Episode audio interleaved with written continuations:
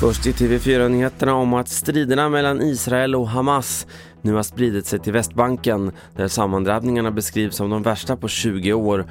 Och också i palestinskt dominerade städer i Israel fortsätter oroligheterna.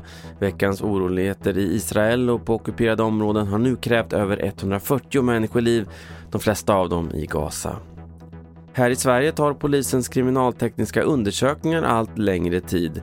Handläggningstiden vid Nationellt forensiskt centrum har sedan årsskiftet i snitt ökat från 33 till 50 dagar. Det rapporterar Sveriges Radio Ekot.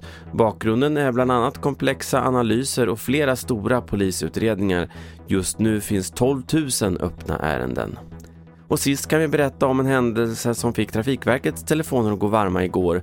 På E4 norr om Kalix fick flera bilister stanna för vad de trodde var stenar som låg utspridda på vägen.